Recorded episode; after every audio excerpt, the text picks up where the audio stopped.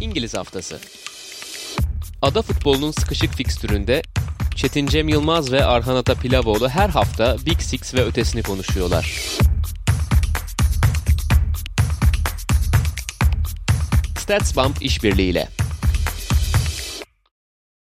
Sokrates Podcast'ten hepinize iyi haftalar. Ee, İngiliz haftasında sizlerle birlikteyiz. Ben Çetin Cem Yılmaz, Arhan Atapilavoğlu ile beraber biraz Premier Lig konuşacağız.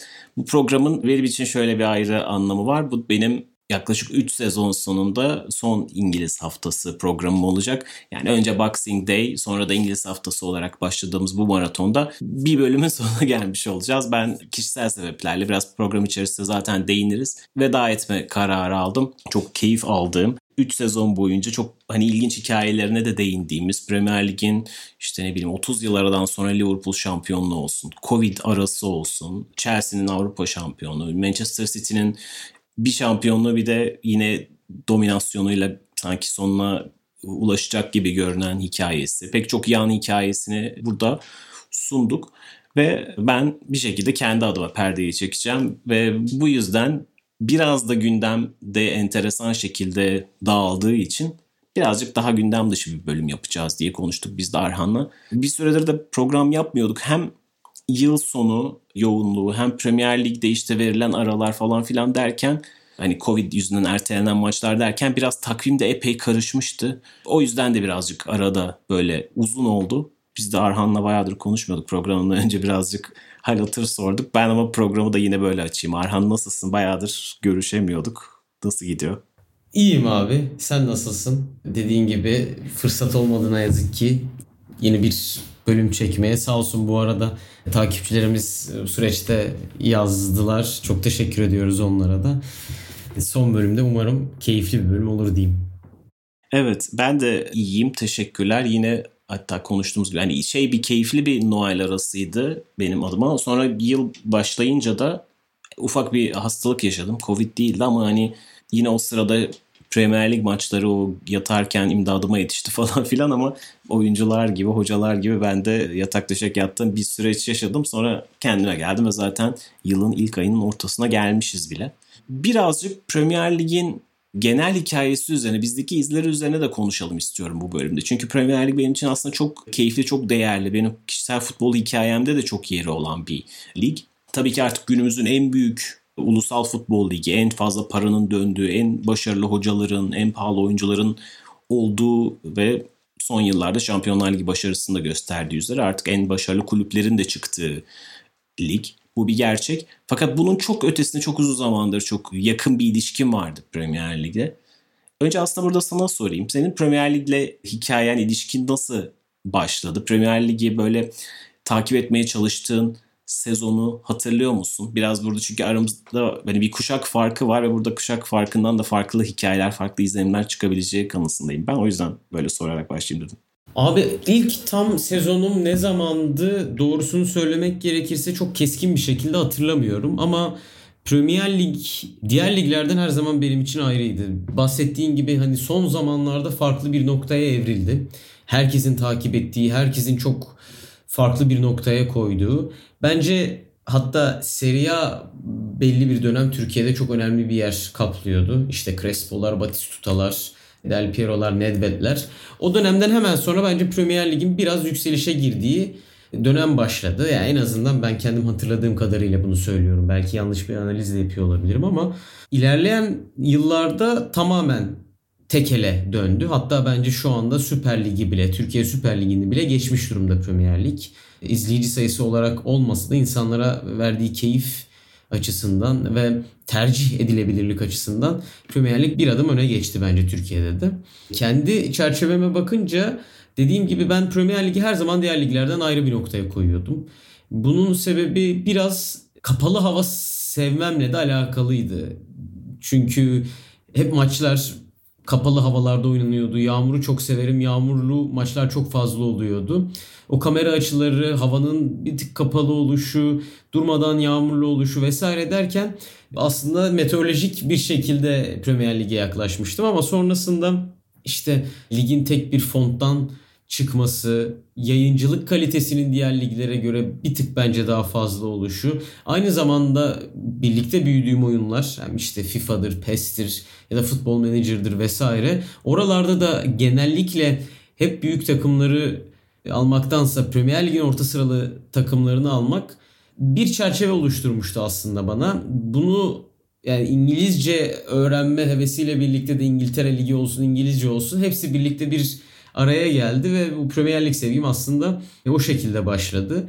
Ama ligi bu kadar çok sıkı takip ediyor oluşum kesinlikle son zamanlarda dünyadaki en iyi teknik direktörlerin belki de e, dünyadaki birkaç en iyi oyuncu haricindeki hemen her en iyi oyuncunun da ligde olmasıyla gerçekten alakası yok.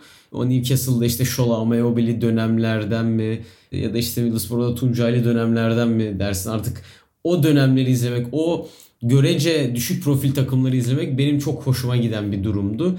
Ve o Premier Lig'in hatta bu dönemde de işte bir geçenlerde izlediğim Burnley Leeds maçı bana bu hafta sonu izlediğim Manchester City Chelsea maçından bir tık daha fazla keyif verdi.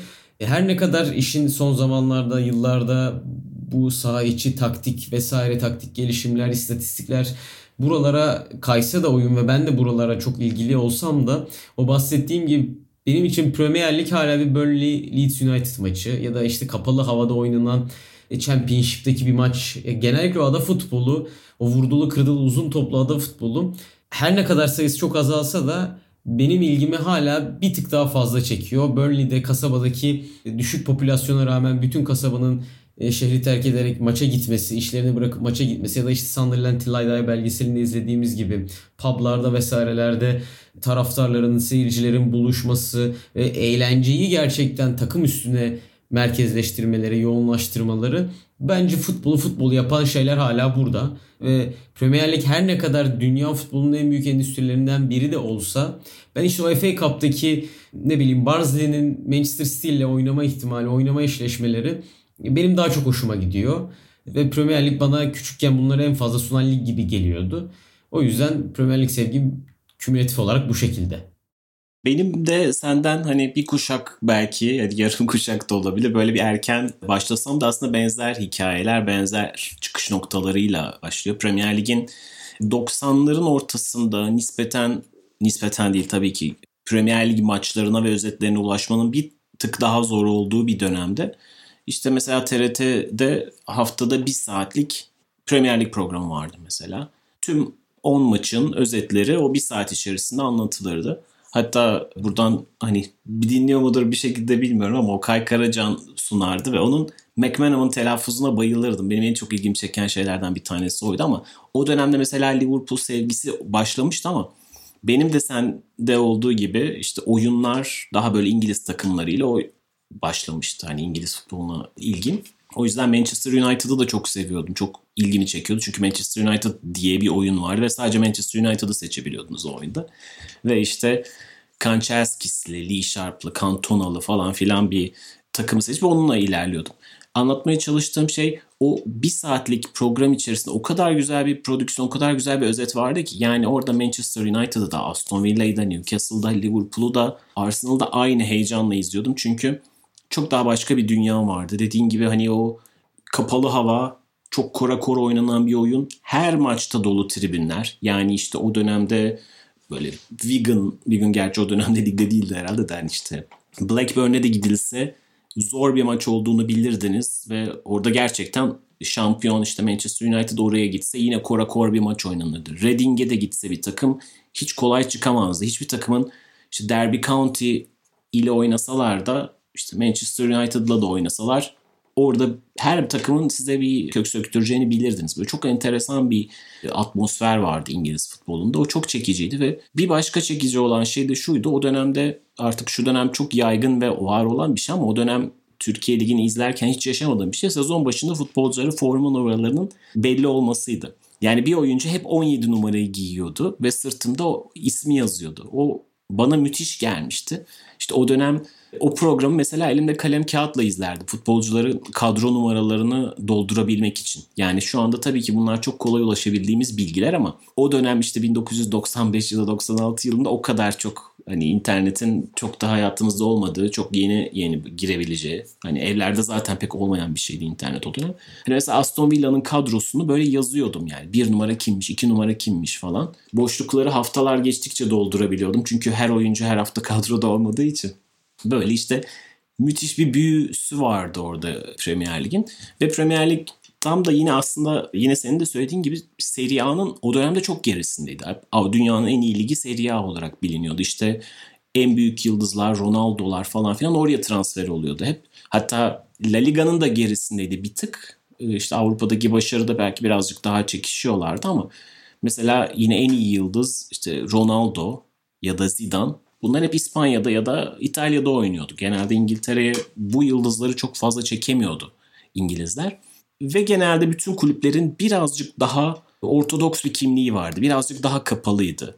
Bu muhafazakarlık olarak da görünebilir. İngiliz futbolunun hani biraz daha içine kapanıklığı olarak da görülebilir. Son 3-4 yılda yeni yeni aşılıyor aslında. İngiliz futbolcuların da daha çok yurt dışına çıkması gibi bir durum. Mesela tersine bir durum pek olmazdı ama İngiliz takımlar kadrolarında çok fazla yabancılar da bulunduramıyordu. Zaten limit de vardı ama limit aşıldık, açıldıktan sonra da bu zaman almıştı. Demeye çalıştım o İngiliz futbolunun kendine has bir kültürü vardı ve çok ilgimi çekiyordu. Ve aynı yıllarda hem İngiliz müziğine ve sinemasına duyduğum etki de birbirini beslemişti. Hep mesela o dönemde 80'lerde ya da 90'larda ya da 70'lerde çekilmiş bir İngiliz filmine baktığınızda mutlaka futbol hayatın bir köşesindedir. Yani Ken Loach'un bütün filmlerine bakın illa bir yerinde bir futbol göndermesi vardır. Çünkü o sokaktaki insanın, o işçi sınıfının hayatındaki en değerli şeylerden bir tanesi futbol. Ve bunun çok, çok farkında bir yönetmen olduğu için Ken Loach bunu hep bir şekilde yedirir. Yani mesela Looking for Eric gibi filmi tamamen futbol üzerine kurar ama onun dışında da diğer filmlerinde de illa bir yerde vardır ya işte arkada maçı izlerler ya pub'a giderler futbol konuşurlar bir sahnede karakterin evinde bir futbolcu posteri vardır falan filan. Futbolun hani bu kadar hayata değebiliyor olması ve işte popüler kültürü de bu kadar beslemesi beni de çok etkiliyor. Hani bir yandan mesela müzik dünyasını çok seviyorum. Oasis'i çok seviyorum. Bir bakıyorum Oasis'in dergilerdeki formasında kardeşler Manchester City forması giymişler. Ki Manchester City'nin hani bugünkü kadar başarılı olmadığı bir dönemden bahsediyoruz. Mesela işte Pulp grubundan e, hoşlanıyorum. Bir bakıyorum işte Sheffield Wednesday muhabbeti geçiyor. Çünkü Sheffield'da bir grup olduğu için. Bütün hani bu kadar bölgeselliğin öne çıkması, sevdiğim adamların bir şekilde futbolla bu kadar alakasının olması falan filan hep birbirine besleyen kültürlerdi ve bütün hikaye, heyecan biraz buradan geliyordu.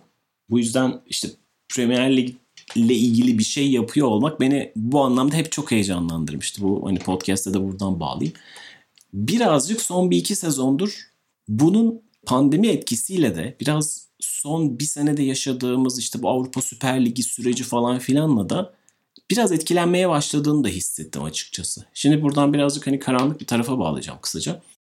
Tabii ki Premier Lig çok işte endüstriyel bir süreçti. Yani zaten kuruluşu da böyleydi. Dahan Irak'ın yine Sokrates Podcast de yaptığı seri de vardı. Oradan da ulaşabilirsiniz. Bunun üzerine zaten çok değerli yazıları vardır. Yani Premier Lig zaten kuruluş itibariyle çok masum bir şey değildi doğru. Yani tırnak içinde söylüyorum masumu. Zaten çok endüstriyel bir projeydi. Fakat yine 1990'larda birazcık daha işte İngiliz futbolunun kültürünün içine kapanıklığı sayesinde kültürünü korumuştu. 2000'lerde de böyleydi. Fakat bu süreç ilerliyordu. 2020'lerde gelinen nokta artık Premier Lig hani neredeyse tek kutuplu ama birazcık büyütürsek hani buna Liverpool'la Chelsea'yi de ekleyebileceğimiz çok kapalı devre bir lig haline getirmeye başladı. Yani 2016'daki Leicester City mucizesi bir kenara bu ligi hani bırakın kazanmayı ilk dörde neredeyse ilk altıya girmenin bile hayal edilemeyeceği bir hale gelmeye başladı bu. Ve bir sonuçta eğer Premier Lig'in sadece bir takımın kazanma ihtimali varsa ya da hadi 3 takım kazanma ihtimali ya da 6 takım dışındakilerin sıralamasının 7'den itibaren başladığı bir dünya hayal ediyorsak bu Premier Lig için aslında oldukça yıkıcı bir hale gelmeye başlıyor. Hani Premier Lig zaten diğer ligler için çok acımasız bir zenginlik sunmaya başladı son yıllarda. İşte mesela bir Bundesliga takımının kolay kolay Premier Lig'le artık baş edemeyeceğini biliyoruz. Çünkü güç dengeleri çok arttı. Çünkü müthiş yayın gelirleri var Premier Lig'de. Hem Premier Lig'in tabii ki çok büyük bir başarı öyküsü olduğunu anlatıyorum. İşte 1990'larda işte Türkiye'deki bir kuşağı nasıl etkilediğini biz kendimiz biliyoruz ya da 2000'lerde. Bunun bütün dünyada örnekleri var. Yani bizim gibi milyonlarca insan var. Bu şekilde Premier Lig'e aşık olmuş. Ve bu sayı işte Bundesliga'ya ya da Lig 1'e aşık olan insan sayısı daha az. Yani tabii ki burada bir başarıdan bahsediyorum. Premier Lig'de bu yayın gelirlerinin getirdiği hikayeyi hak etti. Bunu da söylemek gerekiyor. Ama söylemeye çalıştığım şey gelinen noktada işin inanılmaz para odaklı bir hal aldığı ve diğer liglere bitirme noktasına geldiği, kendi içerisinde de büyük uçurumlar yarattı. Biraz bir de bir şeyi daha buradan bağlayacağım. Yine Avrupa Süper Ligi zamanında da çok konuşulan hikayelerden bir tanesiydi. Şimdi mesela West Ham gibi, Arsenal gibi, Tottenham gibi kulüpler yeni stadlara geçiyorlar. Kendilerini var eden ortamlardan kopuyorlar. Bu da günümüzün getirdiği şeylerden bir tanesi. Türkiye'de de pek çok kulüp kendi ilk oynadığı staddan, kendi semtinden çıkıp daha büyük, daha modern yerlere gidiyor. Bu Anadolu'da da pek çok takımda oldu. İşte Galatasaray'da da oldu. Trabzon'da yeni stada gitti falan filan. Türkiye'de de olan bir hikaye bu. Tabii ki yayın gelirleri, pardon maç günü gelirleri için çok kritik bir öneme sahip yeni statlar. Fakat bu zamanla futbolun işte o orta sınıf, alt sınıfın gidebileceği bir şey olmaktan koparıyor. Bu tabii beni hani İngiltere'de yaşamayan bir insan olarak direkt olarak etkilemiyor. Fakat bu hikayeleri, taraftar hikayelerini okudukça mesela bir West Ham taraftarının maça artık gidemediğini, hani kendi babasından kalmış olan bir sevgi mesela West Ham taraftarları. Fakat bunu artık oğluna geçiremediğini çünkü oğluyla beraber bir maça gitmenin, orada bir sandviç yemenin falan filan yoluyla, şuyla, buyuyla, iki biletiyle kendisine 200 pound'a patladığını, bu yüzden bunu alt liglerdeki maçlara giderek yapabildiğini anlatan bir taraftar öyküsü okumuştum yani yine bu Avrupa Süper Ligi sırasında. Hani Avrupa Süper Ligi aslında bir sebep değil de bir sonuçtu gibi çünkü futbolun hani özünden ne kadar koptuğuna dair pek çok öykü çıkmıştı o dönemde. Biz bunu hani biraz unutuyor gibiydik. O bayağı bir şok oldu ve kulüplerin taraftarlarla o bağının ne kadar kopuk olduğunu, ne kadar zayıfladığını bize hatırlatan da bir süreçti. Biraz bu karamsar tarafa bağladım da birazcık yani bugün benim kısmen bu programı son kez yapıyor olmamın sebeplerinden bir tanesi de bu. Biraz uzattım kusura bakmayın ama yani hani çok sevdiğim Premier Lig'de bağlarımın neden zayıfladığını da birazcık anlatmaya çalıştım bu anlamda. Yani birazcık hem toplumla, taraftarla bağ koptuğu için Premier Lig gittikçe daha soyut bir şey olmaya başlıyor. Yani evet en iyi futbol, en hızlı futbol en azından orada oynanıyor. En taktiksel açıdan üst düzey futbol orada oynanıyor. Kesinlikle doğru. Çok ilginç şeyler yaşanmazsa İngiliz kulüpleri Şampiyonlar Ligi'ne ambargo koymaya devam edecek. Yani bir önceki sene 2019'da Liverpool kazanmıştı. Sonra bir sene Bayern kazandı ama Chelsea kazandı. Bu sene yine bir İngiliz takımı kazanabilir. Sonraki yıllarda da böyle gidebilir. Baktığımızda 7-8 yılda belki 6-7 tane İngiliz şampiyon çıkacak falan yani. Doğru. Fakat bütün bu başarının ötesinde hani futbolu neden sevdiğimize dair hikayeler de gittikçe hani azalmaya başlıyor ya da belki bir yorgunluk yaşıyoruz ya da belki de ben sadece yaşıyorumdur bunu bilmiyorum ama bütün bunları birazcık üst üste koyduğumda hem futbol hem de Premier Ligi sanki birazcık özlemem gerekiyor diye hissettim ve biraz da bu, bu yüzden açıkçası ben hani programın başına kişisel sebeplerle bu işe biraz ara vereceğim. Yani bu programa veda edeceğim ve aynı zamanda Premier Lig kendi arama birazcık bir tık mesafe koymaya çalışacağım dememin sebebi buydu. Biraz fazla uzattım kusura bakma. Burada tekrar pası sana atayım. Burada solu kullanayım biraz. İlla bu arada bu topu sana bir soruyla atmayacağım aslında ama istersen şöyle verebilirim sana. Sen bir alt kuşak olarak böyle bir kopukluktan rahatsız hissettiğin oldu mu? Hani kesinlikle böyle hissetmek zorunda değilsin. Hala en iyi futbol, en iyi oyuncular, en iyi hocalar burada diye keyif almayı da kesinlikle anlıyorum. Sadece ben kendi kişisel hikayemi bu anlamda birazcık böyle anlatmak istedim. Abi kesinlikle benzer şeylerden hoşlandığımız için benzer noktalarda yaşadığımız sıkıntılar da bence baki. Şöyle ki benim son senelerde özellikle 2016 sonrası her ne kadar lig tamamen tekelleşmeye başlasa da Manchester City ve Liverpool arasında hatta belki de tamamen Manchester City arasında bunun benim hoşuma gidiyor oluşunun tek bir sebebi var. E, Pep Guardiola'yı çok sevmem. Yoksa şu an Premier Lig'in geldiği nokta çok sağlıklı bir nokta değil. Ya bunu herkes biliyor. Bir hanedan oluşuyor gibi duruyor. Ama bu NBA'deki kadar da bence keyif veren bir durum değil. Çünkü orada ne olursa olsun sene sonuna kadar zaten 82 tane maç oynuyorsunuz. Üstüne üstlük 7 maçın en iyisinin şampiyon olduğu uzunca bir turnuva süresi var. O yüzden orada her zaman heyecan sezon sonuna kadar bir şekilde sabit kalabiliyor ama futbol gibi ligin oynandığı bir ve lige kupa verilen bir organizasyonda hanedanlık sallık saçma bir şeye dönüşebiliyor. İşte Ocak ayındayız ve son 3 senede olduğu gibi hatta son 4 senede olduğu gibi lig yine bitti. Biz Nisan ayını görmeden. Bu can sıkıcı bir durum ve benim de Premier Lig'den hoşlanma emarelerim bahsettiğim gibi orta sıra takımlarının işte stok deplasmanlarının varlığından dolayı ortaya çıkmıştı. Bunu yavaş yavaş tabii ki kaybediyoruz. Bu üzücü bir şey. Ben bunu derinden hissetmememin sebebi dediğim gibi Guardiola e, çok sevmemden kaynaklanıyor. Manchester City ile hiçbir bağım yok. Sadece Manchester City kazandığında, şampiyon olduğunda keyif alıyorum. Mesela Liverpool sezonunda çok benzer hissetmiştim geri kalan birçok futbol sever gibi. Garip gelmişti ligin bu kadar hızlı bir şekilde çözümlenmesi. Ve hani o bahsettiğimiz orta sıra takımlarının etkinliği bahsettiğim gibi mesela bir bowling ground'a gittiğinde takımın nasıl çıkacağını kestiremiyordun eskiden. Ya West Ham orada nasıl bir oyun oynayacak? Kenarda Sam Allardyce, ileride Andy Carroll. E, salak saçma bir şekilde gelecek 85'te gelecek bir golle 3 puan alabiliyordu West Ham. E tabii ki şu anda oluyor bu. Yani bu sürprizler olmuyor değil. Ama her hafta o maçı izlerken ya acaba ne olacak hissiyatıyla izliyordun. Ama şimdi fikstürü açtığımızda hatta şöyle bir örnek vereyim. Emre abiyle bundan birkaç ay önce konuşuyorduk. Manchester City'nin galibiyet serisine başlamadan önceydi. Manchester United maçından ya önce ya sonra tam hatırlamıyorum. Belki Crystal Palace maçından sonradır. E ben şey demiştim ya kazanırlarsa United maçını seri yapmamaları için o klasik seriyi başlatmamaları için hiçbir sebep yok demiştin. Birlikte fikstüre baktık ve aynen öyle o da e, hem fikir olmuştu. Zaten de geldi bu. Yani bu inanılmaz bir analizi değil artık gerçekten oyun tamamen buna döndü. Çünkü bugün fikstürü açtığımızda hangi takımın hangi takıma karşı sıkıntı yaşayabileceğini neler olabileceğini aşağı yukarı kestiriyoruz. Yani Southampton'da City'nin puan kaybedeceği bu sezon inanılmaz bir sürpriz değildi. Ya da geçen sene Wolverhampton'a yenilmesi sürpriz değildi. Ama bunların sayısı çok azaldı. Yani 3, 4, 5 tane rakip sayabiliyoruz City'ye e, sıkıntı çıkartabilecek ya da Liverpool'a sıkıntı çıkartabilecek. Ama geçmişte bunun sayısı inanılmaz fazlaydı. Hatırlıyoruz işte Liverpool o şaşalı sezondan sonra Aston Villa'ya yenildiği ilk maç sanki böyle nükleer patlama gerçekleşmiş gibiydi Twitter'da hatırlıyorum. Ama eskiden bunlar e, inanılmaz büyük sürprizler olmuyordu. Ve eğer oluyorsa da tek bir takım için geçerli oluyordu. Bütün bu ambiyans da bence kayboldu. Yani taraftarlık müessesesi de bir tık düştü gibi hissediyorum ben ister istemez. Çünkü giden taraftar da aşağı yukarı ne olacağını ne biteceğini bitiyor.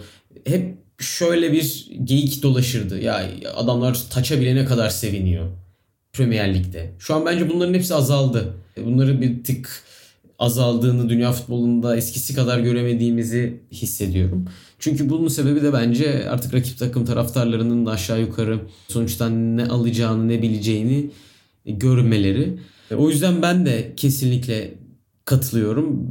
İşte o bahsettiğim gibi bowling groundlarda, Britanya stadyumunda hani o klasik stok deplasmanları, West Ham deplasmanları bunlar hoşuma gidiyordu.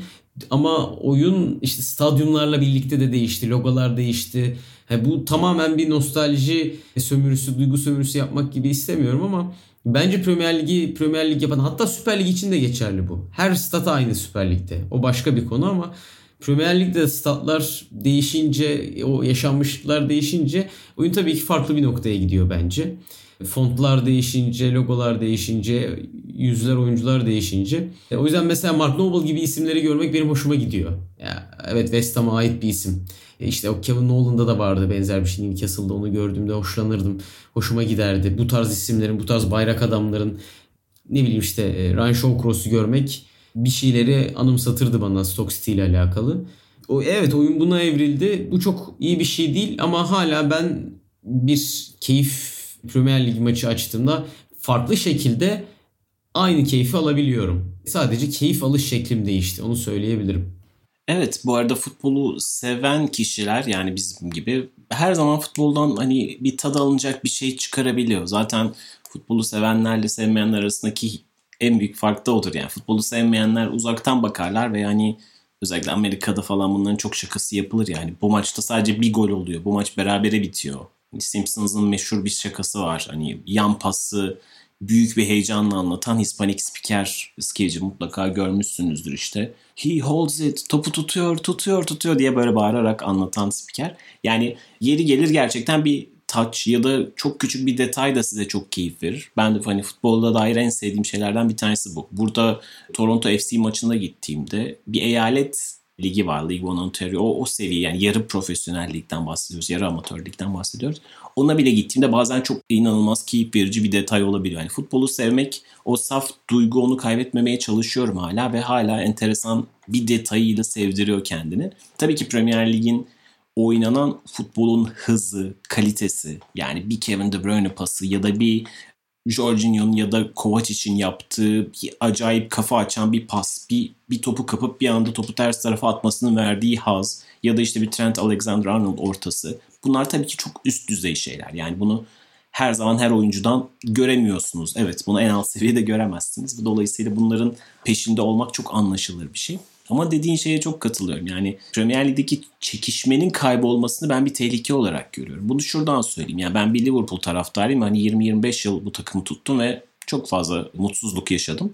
Benim yani 2020 şampiyonluğu ben de 2019 sezonu kadar yer etmedi. Çünkü 2020 sezonu Liverpool kusursuzluğa çok yakındı ve ligi çok erken bitirmişti. Manchester City'de biraz yarıştan erken kopunca fark açılmıştı. Hani Covid sezon tek hikayesi aslında Covid yüzünden acaba lig tamamlanabilecek mi? Liverpool şampiyonluğu yine kazanamayacak mı falan. Hani bir tek o korkuyu yaşamıştım. Onun dışında Liverpool'un kaybettiği 2019 sezonu yani Manchester City'nin kazandığı son hafta işte o mesela Kompany'nin inanılmaz golüyle kazanılan Leicester City maçı ve benim kişisel olarak yaşadığım hayal kırıklığı, yıkım. O son hafta karşılıklı işte Brighton karşısında Brighton'ın eşitliği yakalaması, bir anlık umutlar. Sonu mutsuz bile bitse taraftar olarak sizi aslında daha çok doyuran yani üzse bile sizi duygusal olarak daha fazla doyuran şey aslında bu. Çekişme, bu heyecan. Yani Premier Lig tarihinin en büyük kırılma anlarından bir tanesi Steven Gerrard'ın ayağının kayması. Yani bu bunun beni ne kadar üzdüğünü size anlatamam. Yani üzerine çok yazı falan da yazmışım. Yazıhanede de vardır falan. Böyle yıllar geçti sonrasında biraz atlatabildim en azından Liverpool şampiyon olunca ama o sezonun hikayesi 2020 şampiyonluğundan aslında daha yoğundur. Yani çünkü birazcık da insan psikolojisi, insan psikolojisiyle de alakalı. İnsan böyle hani mutsuz anları da daha çok büyütür. Ama kastettiğim şey bir ligin son haftalara kadar gitmesinin verdiği adrenalin çok başka bir şey. Ve Premier Lig biraz bunu kaybediyor. Hani hep konuşuyoruz ya Süper Lig'de evet kalite çok yüksek değil ama Süper Lig'in bu sene belki öyle olmayacak ama enteresan bir havası var. Süper Lig bir şekilde kopmuyor ve son haftası hep çok dramatik oluyor. Yani geçen sene Beşiktaş, Galatasaray, Fenerbahçe'nin aynı anda finişe gitmesi gibi bir şeyi Premier Lig neredeyse hiç yaşamıyor. Yani işte bahsettiğim 2009 sezonunda Liverpool ve Manchester City arasında yaşamıştı. Ondan önce 2012'deki Agüero golüyle gelen foto finish olmuştu. Hani onun bahsettiğim şey 6-7 yılda bir oluyor Premier Lig'de. Bu sadece Liverpool meselesi de değil. Premier Lig'de hani ve sadece Manchester City meselesi de değil. Bazen de Chelsea çok erken kopartıyor ligi ve lig erken bitiyor. Bu sefer Liverpool erken bitirdi. Birkaç kez Manchester City yaptı. Sonrasında bir, 2013'te e, Manchester United da benzer bir şekilde çok erken ligi kopardı. Premier Lig'e dair açıkçası hani anlattığım problem biraz bu gibi. Ama evet diğer tarafta iş sadece sonuca indirgemezsek Premier Lig'de hala çok acayip oyuncular oynuyor yani. Bu çok bariz bir şey, çok net bir şey. Yani hani sadece Manchester City ve Chelsea ve Liverpool oyuncularından bahsettim ama Tottenham'da çok acayip hikayeler yazabiliyor günü geldiğinde. Ya da işte biraz daha underdog tarafını takip edenler için West Ham müthiş işler yapıyor hiç kimsenin beklemediği şekilde ve hala nispeten daha tırnak içinde yerel diyebileceğimiz bir core grupla yapıyor bunu. Burnley'nin hikayesi belki bu sene sona gelebilir ama hala direniyorlar. En azından bir bayrağı taşımaya çalışan bir takımlar. Crystal Palace'ta ilginç bir hikaye yazıyor Patrick Vieira. Hani bu anlamda evet Premier Lig'in yine de son yıllardaki en umut verici sezonlarından bir tanesini yaşıyorduk aslında bence. En azından orta sıra anlamında. Bunu ara ara konuşuyorduk. Aston Villa'ya gel- gelince Steven Gerrard birazcık böyle bir kıpırdanma yaşandı. Yani böyle Southampton, Wolverhampton ilginç hikayeler kendi tadı tuzu kimliği olan takımlar hikayelerini yazmaya devam ediyorlar. Birazcık bu hikayeler ama sanki daha fazla teknik direktör odaklı oluyor. Bu da artık günümüz futbolunun getirdiği bir hikaye. Yani senin az önce bahsettiğin gibi oyuncu bazlı bir hikaye pek fazla çıkmıyor. Çünkü artık oyuncu aidiyeti çok kalmadı. Oyuncular bir takımda yetişip orada futbolu bırakmıyorlar. Gittikçe azalan bir hikaye bu. Yani mesela şimdi Crystal Palace'ta Conor Gallagher çok iyi bir sezon geçiriyor. Çok güzel bir çıkış yaptı. Ama onun hikayesi muhtemelen yani Crystal Palace'la ilgili hikayesi bitecek ve o kendisini tekrar yetiştiği kulüp olan yani bonservisinin olduğu Chelsea'de forma şansı bulmaya çalışacak falan. Yani Crystal Palace'ın kendi yetiştirdiği oyuncuyla var olma mücadelesi çok sık rastladığımız bir şey değil. Evet orada da mesela Zaha kalan az sayıda örnekten bir tanesi. Grealish vardı mesela o, o da gitti. Yani bu hikayeleri biraz daha saha içerisinden ve taktik detaylarda bulmaya çalışıyoruz. Ve bu da bir açıdan çok tatmin edici ama başta bahsettiğim işte Premier Lig ile ilişkisini birazcık daha işte bu aidiyet hikayeleri, her takımın kendine has bir kimliğinin olması, stadyumun ruhunun olması falan gibi şeyler üzerinden okumaya çalışanlar için o hikayeler pek kalmıyor. Problem birazcık burada. Hani evriliyor tabii ki bu her şey illa daha da kötüleşiyor ya da her şeyin tadı kalmadığı anlamında değil ama oyunun saha içerisinde ve birazcık daha teknik adamların kafalarındaki plan üzerinden okunmasına dair bir sonuç bu. Öyle. yani dediklerine kesinlikle katılıyorum. Bence bu sadece futbolda olan bir şey de değil. Bunu konuşmuşuzdur da. Podcast'te konuştuğumuzu hatırlıyorum. Geçen sene Avustralya açık izlerken tamamen istatistiklerin daha çok taktik yorumlamanın teniste bile kendine yer bulduğunu gördüğümü söylemiştim. Beni çok etkilemişti mesela hiçbir yerde bence artık işin hikaye kısmı, işin duygu kısmı taktik, teknik, istatistik kısmı kadar rağbet görmüyor. Bu bence sadece futbolda olan bir şeyden de ziyade genel olarak yeni neslin ya da yeni dünya düzeninin bir konuyu ele alış şekliyle de doğru orantılı. Ben futbolda, sporda ya da benzer şeylerde bir e, anlatı, bir anlam çıkartırken artık tek kategoriyi değerlendirerek bir şey yapabilmenin pek mümkün olduğunu da düşünmüyorum. Yani futbolda evet iş taktiğe geçtiyse sadece futbolda geçmiş olmuyor. Teniste de oluyor ya da ne bileyim sinema kritiğinde de benzer şeyler oluyor. Ekonomi yorumlamasında da oluyor e, vesaire vesaire vesaire. Bu bence dünya düzeninin getirdiği bir şeyle de doğru orantılı. Yani evet biz bu kadar istatistik konuşuyoruz. Burada doğal sayılar kategorisi yapıyoruz, bölümü yapıyoruz. Ya da hiç olmadığı kadar taktiğin, tekniğin konuşulduğu bir e, yorumculuk dünyasına adım atıyoruz. Ama bunların geçmişte değiştiği gibi birçok kategoride de değiştiğini düşünüyorum ben. Yani örnek vermek gerekirse Twitter'da bile bir sürü flood görüyoruz. Bir film kritiği hakkında o filmin bize hissettirdiklerinden ziyade hangi işte alıntı yapılmış, nereden, hangi hikayeden bir şey atanmış oraya. O film bize neler hissettirdi, kendimizle nasıl bir bağ kurduk. Bunlardan ziyade o film hücrelerine ayrılıyor ya da maç hücrelerine ayrılıyor. Saniyelerden, dakikalardan bir şey çıkarmaya çalışıyoruz. Bunu bu arada eleştiri olarak yapmıyorum. Ben kendim de aynısını yapıyorum. Birebir aynı şeyleri yapıyorum. İşte 36. saniyede şöyle bir şey oldu acaba orada hoca bunu bilerek mi yapmaya çalıştı? Aslında hayır bence o kadar da değil ya. Oyunun bir doğaçlaması vardı ki hala var. Guardiola'nın sözü de vardı. Benim işim sizi 3. bölgeye götürmek. Ondan sonra sizin biraz da oyunculuk yeteneğinize kalıyor diye.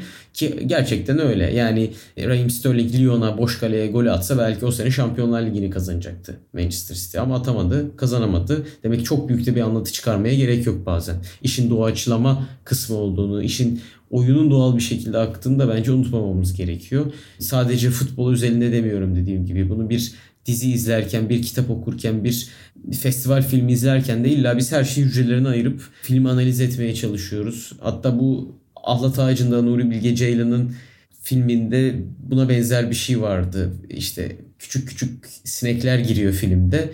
Twitter'da bununla ilgili çok uzun bir flood yazılıyor. Sonra sette çalışan bir görevli ya bu flood yazmışsınız ama ben sette çalışıyordum. Nuri Hoca durmadan elinde sinek ilacıyla geziyordu şeklinde bir tweet atıyor. Hani Bence biraz buna döndük. Evet bazı şeyler gerçekten anlaşılması gereken şeyler ama her şeyinde bir mesajı yok. Bazı şeylerde doğaçlaması var. Bazı şeylerin bize hissettirdiği şeyler var. Biz hissiyatı sanki mantığa biraz terk etmiş durumdayız gibi. Sadece dediğim gibi futbol özelinde değil, bütün bu akış özelinde her şeyde bir anlam arıyoruz ve bize bazı şeylerin neler hissettirdiğiyle çok da fazla ilgilenmiyoruz sanki. Evet çok güzel bir yere getirdin. Yani ben de hani futbolda istatistiğe ya da teknik okumalara kesinlikle hani karşı değilim. Hatta hani hani birazcık ben de o alanda da çalışmıştım bunun öncesinde. Fakat son yıllarda birazcık daha bu noktada yeni gelişen bazı metriklere daha adapte olmakta zorluk çektiğimi de hissettim. Yalan değil. Son iki sezonda da bu konuda senden de çok şey öğrendim bu arada. Bu da beni çok mutlu ediyor. Yani bu işin çok gerisinde kalmak, oyunu başka türlü görüyor olmamız. Yani belki çok büyük açılardan farklı görmüyoruz ama hani benim temelde ilgilendiğim şeylerle senin temelde ilgilendiğin ya da temelde gördüğümüz şeylerin farklılığı bence bu programa hani güzel bir dinamik veriyordu. Hani dinleyenlerimiz nasıl düşünüyor bilmiyorum ama ben, ben bundan keyif alıyordum ve hani bir şeyler öğrenmiş, bir şeyler fark etmiş. Hani bazen maçta izlediğimi, nasıl denir, hissettiğimi sayılara dökülmüş olarak görüyordum. Bu benim hoşuma gidiyordu yani. Bazen gözün gördüğünü sayılarla işte desteklersiniz ama bazen de istatistikler tam tersini de çıkarır. Yani çünkü insan gözü ya da hafızası yanıltıcıdır.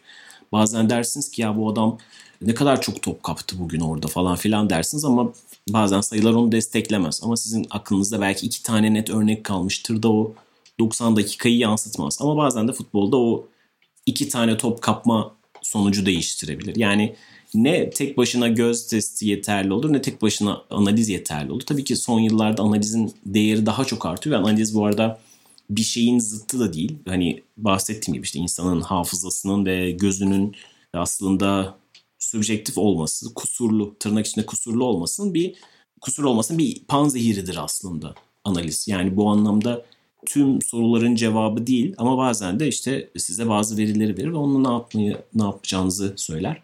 Ama evet tüm oyunu bunun üzerinden okumaya çalışmak da bazen bu problemi yaratabiliyor. Ya da işte maçta o kadar az hikaye çıkıyor ki tüm hikaye ona da dönebiliyor. Yani şimdi Leicester City'nin şampiyonluğunu biz onların ne kadar az topa sahip olduğuyla, ne kadar iyi bir kontratak takımı olduklarıyla da okuduk. Ama aynı zamanda Leicester City'nin hani küme düşme adayı olarak gösterilen takımın şampiyon olması üzerinden de okuduk. Yani sadece tek bir hikaye üzerinden okumuyorduk onu. Yani size hem işin peri masalı tarafını da verebiliyordu o sezon hem kağıt üzerinde bu adamlar nasıl oldu da her şeye rağmen bu ligi kazanabildiler. Bu adamlara bu kadar şans verilmezken bunu nasıl yapabildileri de destekleyen veriler vardı. İşte dönüldü bakıldı ki aslında 2015-16 sezonun ikinci yarısında son döneminde de Leicester City aslında gol beklentisinde oldukça iyi çıkıyormuş yani ama bu o dönemde çok kimsenin fark etmediği bir şeymiş. Son 3-4 ay içerisinde bu adamlar çok ciddi gol beklentileri üretip çok gol bulmuyorlarmış fakat 2016'ya o trendin devamı olarak başlamışlar. Bazen işte o dönemde gözlerin çok fazla fark etmediği şeyi insanlar geriye dönüp analizlerle bulabilirler. Bütün bu hikayelerden bir tanesi de bu. Birazcık bu arada hafif programın sonuna doğru hafif bir yan tarafı kıracağım da pro şeyi. Birazcık beni yormaya başlayan şeylerden bir tanesi. Kendi içimde de bunun muzdaribiyim ve aynı zamanda da sorumlularından bir tanesi. Anlatı kültürü de birazcık yormaya başladı. Yani özellikle İngiliz medyası ya da günümüz medyası. Şimdi dijital medyada her an içerik üretmek zorundasınız. Çünkü her şey çok çabuk eskiyor. Ve biz de bunun bir parçasıydık. Podcast yaparken bir hafta çıkan hikaye iki hafta sonra tam tersine dönebiliyor. Ama siz biz bu yüzden genelde aslında büyük şeyler söylemekten kaçınıyorduk. Yani bence doğru olan da bu. Yani bazen evet Arsenal çok kötü diyorduk ama Arsenal Arteta'dan hiçbir şey olmaz demiyorduk. Çünkü Arteta birkaç hafta sonra bunu değiştirebiliyordu. Şimdi İngiliz medyasının benim beni biraz fazla yormaya başlayan bir tarafı var. Sürekli bir şeyden anlatı çıkarıyorlar. Ralf Ragnick geldiğinde o işte bu adam futbolun gegenpressing'i mucidi, Tuchel'la Klopp'un akıl hocası, bu adam çok başka bir şey getirecek falan filan. İlk 6 haftada 6 maçın sonunda iki kez kaybettikten sonra hemen çatlak sesler işte zaten oyuncuları ikna edemedi. Oyuncular onun kim olduğunu bilmiyormuş falan filan diye tam tersi hemen bir anlatı makinesi çalışmaya başladı. Biz buna Süper Lig'den Türkiye'den falan bayağı aşinayız. Hani bir teknik adam gelir. Ho çok iyi çok iyi çok iyi. Birkaç hafta sonra o çok kötü çok kötü nereden buldunuz? Şimdi bunun bu kadar saygı duyduğumuz gerçekten işinin ehli spor yazarları tarafından yapılması bile insanı yorar hale geliyor. En azından ben kişisel olarak bunu hissetmeye başladım. Ve her hafta podcast üretirken de biraz o yorgunluğu da hissetmedim değil. Yani buna bir katkıda mı bulunuyorum? Acaba bu gürültünün içerisinde doğru sesi verebiliyor muyum? Farklı bir bakış açısı verebiliyor muyum insanlara? Yoksa gerçekten sadece sonucun söylediği şeyi gündeme mi dayatıyoruz? O anlatıyı mı tekrar ediyoruz diye düşünmedim değil. Birazcık son dönemde hani çok severek okuduğum The Athletic ya da The Guardian yazarlarında bile bunu görüyorum. Bir hafta içerisinde çok değişen ağızlar. Hani bir kaç haftalık galibiyet serileri ya da yenilgi serileriyle değişen anlatılar falan beni birazcık açıkçası hani yorma, yormaya ve birazcık bu işi sorgulamaya da itti. Yani yalan olmasın onu da söylemek istedim açıkçası ortada. Abi o zaten dediğin gibi bir ya oyun kesinlikle öyle bir şey değil. Tüme varmak bence spordaki en zor şeylerden bir tanesi ama biz nedense durmadan bir tüve varma noktasında sporu yorumlamaya başladık. Hatta yine benzer bir şey söyleyeyim az önce söylediklerime ek olarak. Bence spor dediğim gibi tek başına ele alınabilecek bir şey değil kesinlikle. Ya sporda bir değişim oluyorsa bence dünya geneline bir şey oluyor. Ve yine o bahsettiğim her şeyi didik didik analizleme, organlarına kadar bir şeyleri çıkarma olayı tüme varım içerisinde de geçerli. Yani işte Arteta hoca değil, Rang gelecek her şeyi değiştirecek. Öyle olmuyor işte ne yazık ki. Biz de bahsettiğin gibi aslında her hafta bir şeyler hakkında konuşmak gerekince ve sıcağı sıcağına o programı çekince mesela hatırlıyorum Manchester City Arsenal maçında Arsenal felaket kötü bir top oynamıştı.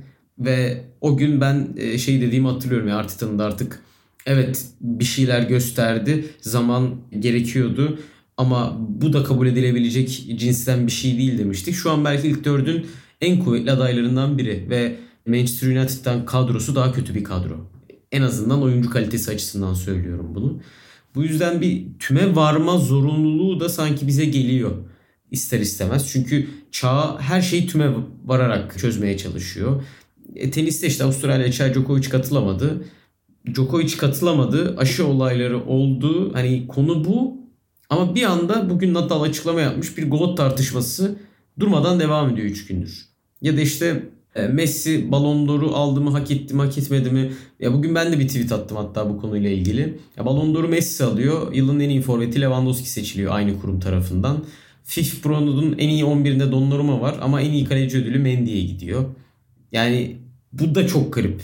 Yani tüme varmaya bu kadar alıştığımız dönemde herkese de bir şeyler dağıtıyoruz bir bakıma. İşte Rannik evet çok iyi hoca, Tuchel çok iyi hoca ama en kötü şeylerinde de zaten çok da iyi hoca değillerdi. İşte Chelsea'nin geçen sene Tuchel'in gazıyla geldi vesaire vesaire gibi. Bir garip bir döngü içerisindeyiz ama bütün bunlar bence çağın getirdiği şeylerin spora, sinemaya, müziğe, e, edebiyata ya da tarihe her şeye tezahürü gibi geliyor bana. Yani futbolu bunlardan ayırarak konuşmak e, çok zor gibi.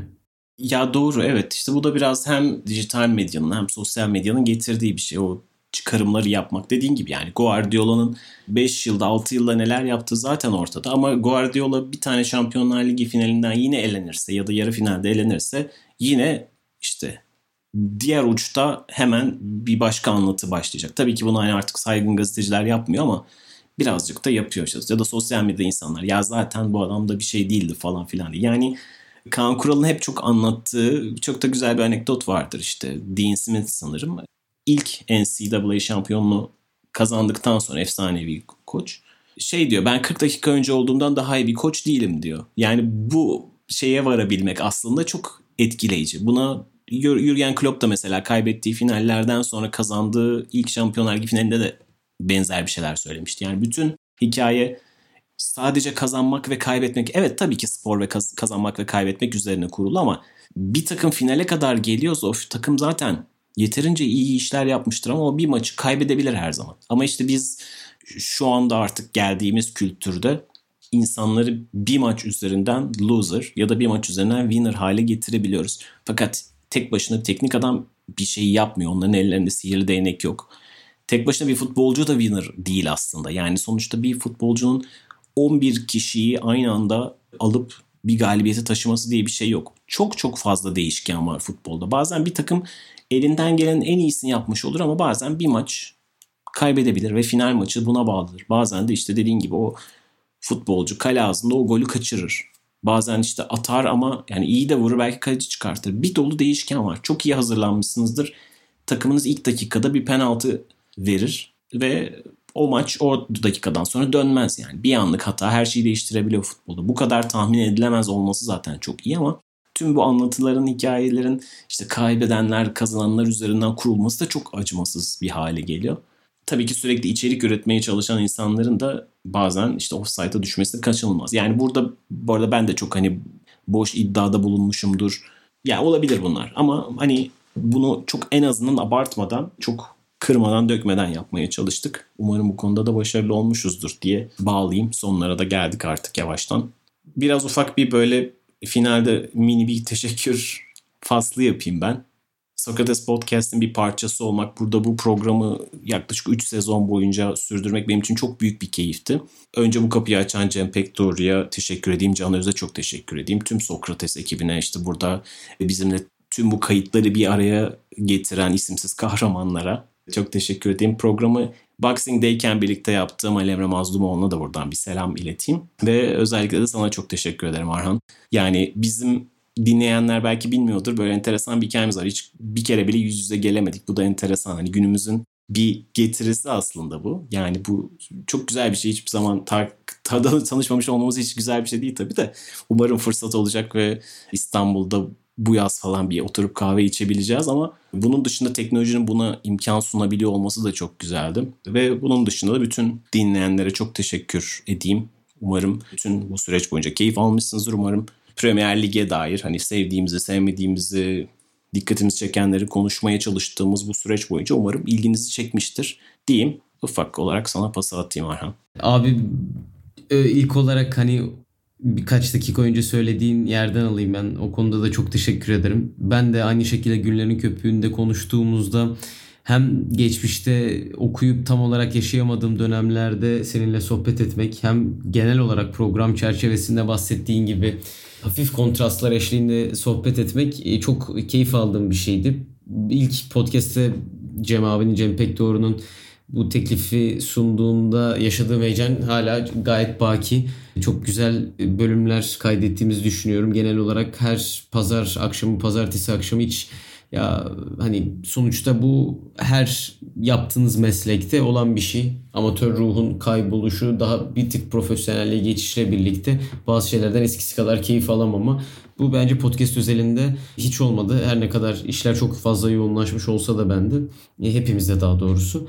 E, o yüzden ben de çok teşekkür ederim. Hani e, ilk tam sezonlu podcast deneyimde senin gibi hani hem işi çok fazla bilen hem ligi çok fazla bilen hem de sohbet etmekten keyif aldığım birisiyle bu işi yapabilmek çok değerliydi.